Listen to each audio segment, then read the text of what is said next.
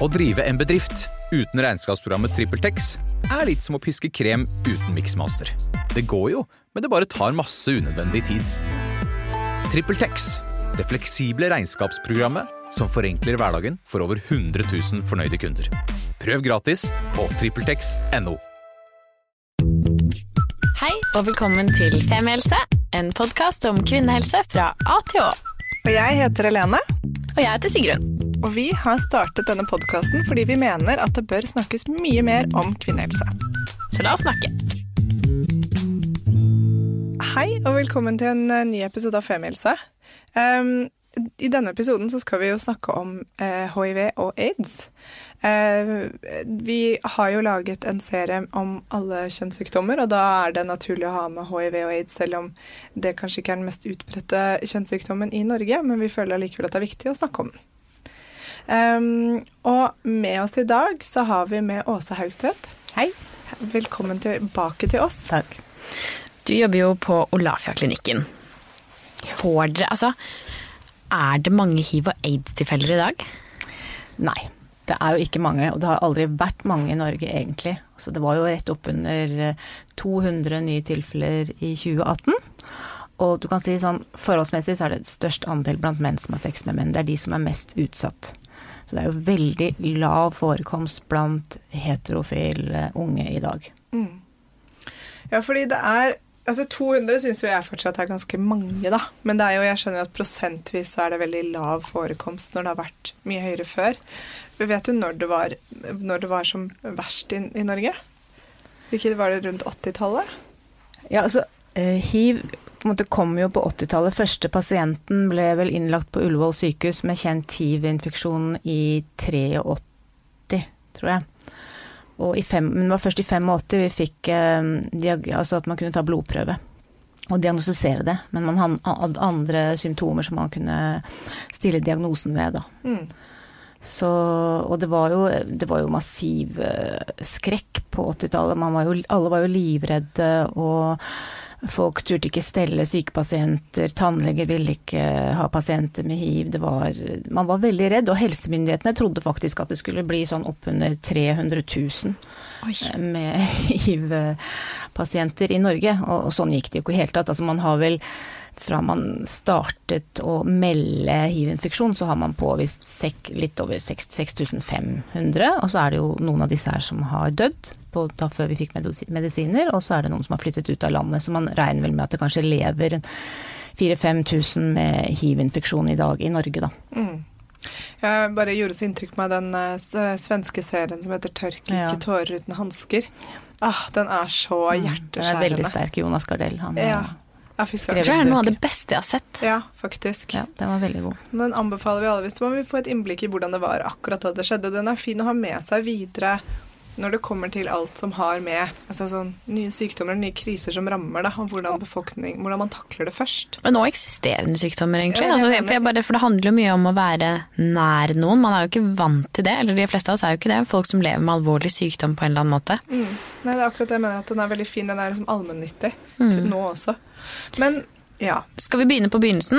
ja, la oss gjøre det. Hva, for hva er egentlig hiv, og hva er forskjellen på hiv og Ja, aids? og, og det, er, det er litt sånn viktig folkeopplysning dere driver med nå, fordi mange menn tror at det er det samme. Altså de bruker aids- og hiv-begrepet om hverandre, og det er egentlig feil. feil fordi hiv det står jo for human immunsvikt virus. Og det er selve viruset, ikke sant, som da smitter enten seksuelt eller via blod, for det finnes i blod- og vevsvæsker. Eller fra mor til barn, da, og også via amming, eventuelt. Um, mens aids det står for uh, acquired immune deficiency syndrome. Sånn at det er på en måte syndromet, det er endestadiet. Og for å prøve å forklare dere, så pleier jeg pleier ofte å bruke meg selv da, som pasient, så nå har jeg vel snart fått alle kjønnssykdommer som det fins. Men la oss si at jeg nå blir smitta med hiv. Jeg har sex med en som ikke vet at han har hiv, og han er nysmittet, står ikke på behandling. Da er han veldig smittsom. Man er mest smittsom når man er nysmitta, og hvis man har begynt å utvikle aids, altså man har hatt hiv i mange år uten å få behandling. Men han her er nysmitta, vet ikke om det, jeg har sex med han, jeg får hiv. Så kan det godt hende at jeg går i flere år uten å merke noen ting. Jeg har virus i kroppen, men jeg får ikke noen særlige symptomer. Men litt over halvparten, 50-70% kan få det vi kaller en primær hivinfeksjon. Det vil si at jeg da, etter to til seks uker, kan få utslett på kroppen, jeg kan føle meg dårlig, få vondt i halsen, leddplager, altså sånn influensasymptomer. Og jeg kan lure på hva dette her er, men jeg kobler ikke det til han fyren jeg hadde sex med for noen uker siden, så jeg, det går over av seg selv. Og jeg blir bra igjen. Så kan jeg gå i flere år med hiv-viruset. Og så kan jeg etter hvert, for det som skjer da, er at hiv-viruset angriper en viss type hvite blodlegemer som jeg har, noe som heter T-hjelpeceller. Eller CD4-celler, som det også heter på fint. Fordi det har en reseptor på seg. Altså, det blir som en sånn eh, lås, ikke sant, som har et sånt hull. Og så kommer hiv-viruset som en nøkkel og setter seg inn, og kommer inn, trenger inn i cellen.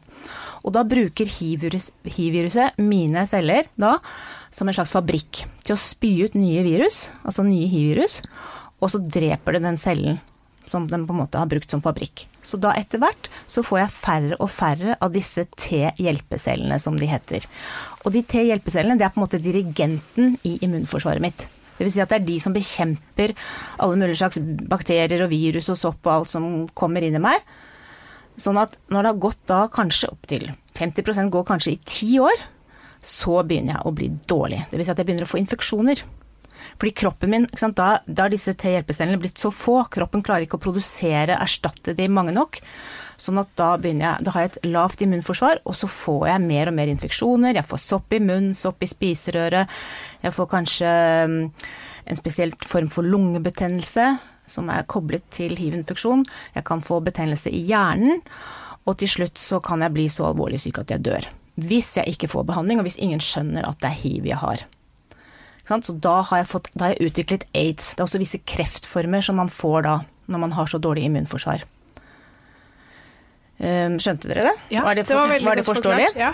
Jeg sitter bare og er sånn wow, ja. det var veldig interessant. Sånn at aids er på en måte syndromet når man har mange alvorlige infeksjoner fordi man har gått med hiv-viruset over tid. Og det kan variere litt hvor, lenge, hvor lang tid man kan gå før man blir syk av hiv-viruset. Men sånn at det er ikke det samme. Altså hiv er ikke det samme som aids, på en måte. Men er, aids er sluttfasen. Riktig. Så det er vel slik i dag at eh, med behandling så kan man leve et vanlig liv. Absolutt. Og du får ikke aids. Nei. Nei. Absolutt. Altså i dag kan man leve et godt liv på medisiner. Og kanskje noe av det aller viktigste, siden altså hiv har jo veldig mye sånn stigma rundt seg. Og det er det største problemet til de pasientene jeg hadde. For når jeg begynte på Olafia, så hadde jeg hiv-oppfølging. Det var den på den tiden vi ikke ga behandling med en gang. Og de fleste syntes at dette var så grusomt, og fikk en sånn derre følelse av at alle andre syns at dette er noe du kan for selv, og du har gjort noe forferdelig galt og sånn. Men de fleste av mine pasienter hadde jo ikke hatt mange partnere.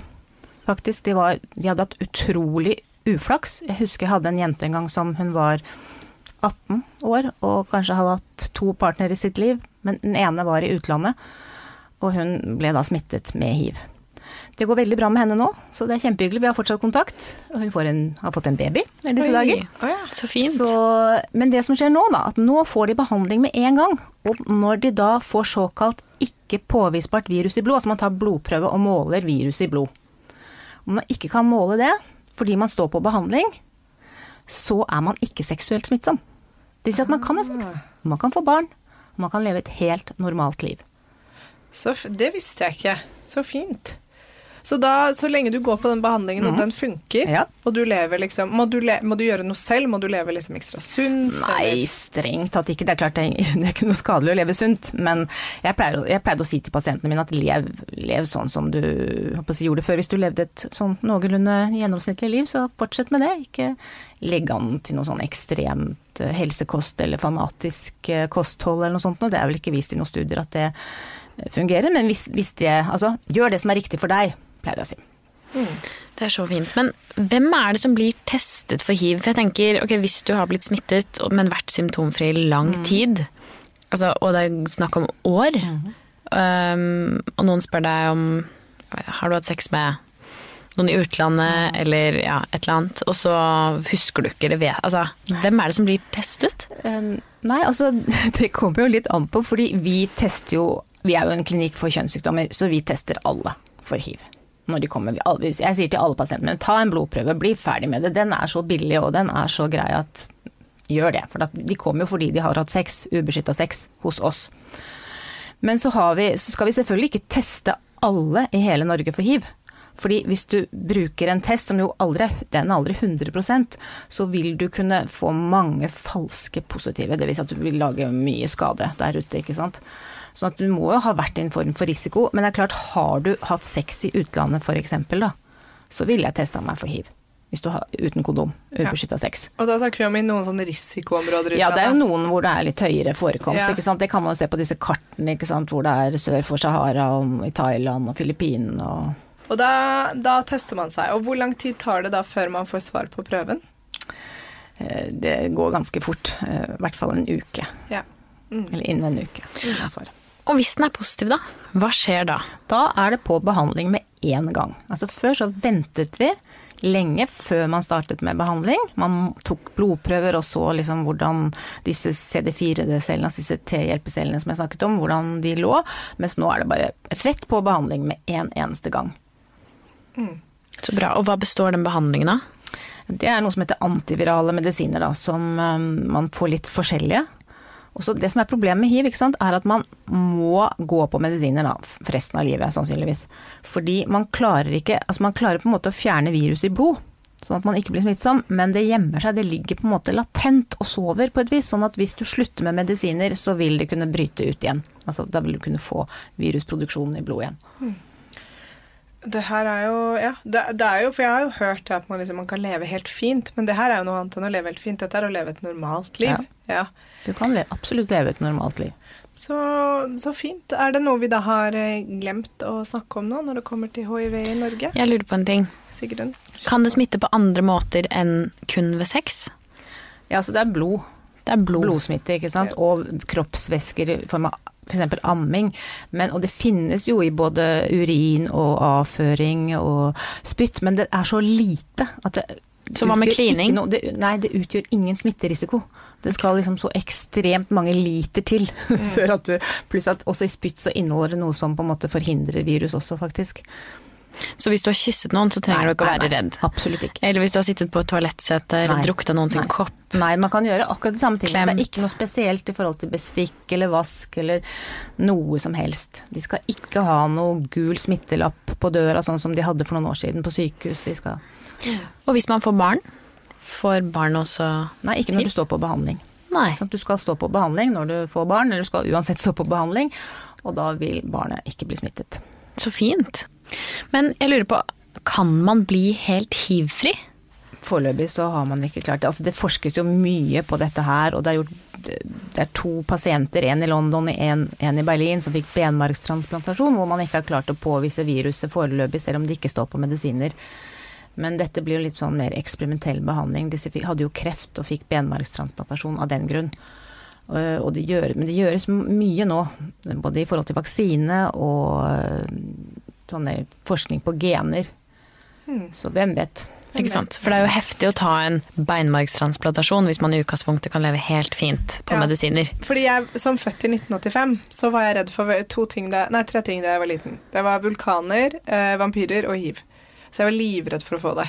Og da husker jeg også at noe av det jeg ønsket mest i verden, var at man skulle finne en kur mot aids. Motiv. Det var liksom mm. sånn For det var jo veldig, veldig mye snakk om det liksom eh, fra midten av 80-tallet oppover mot midten av 90-tallet spesielt, da. Men eh, ja. Så, så fint. Eh, da føler jeg i hvert fall at jeg har lært litt i dag. Eh, og vi har vært igjennom. Eh, og jeg syns vi fikk oppsummert også. Ja, og ja. hvis du ønsker å ta en blodprøve, så kan du gjøre det på Olavheia-klinikken. Mm. Men du kan vel også gjøre det hos fastlegen din? Absolutt. absolutt. Ja, ja, ikke sant. Så gjør det hvis du føler et behov for det, hvis du har hatt sex i utlandet, ubeskyttet. Mm. Så uansett test deg, tenker jeg. Ikke bare for hiv, men for hele, hele regla. Ja.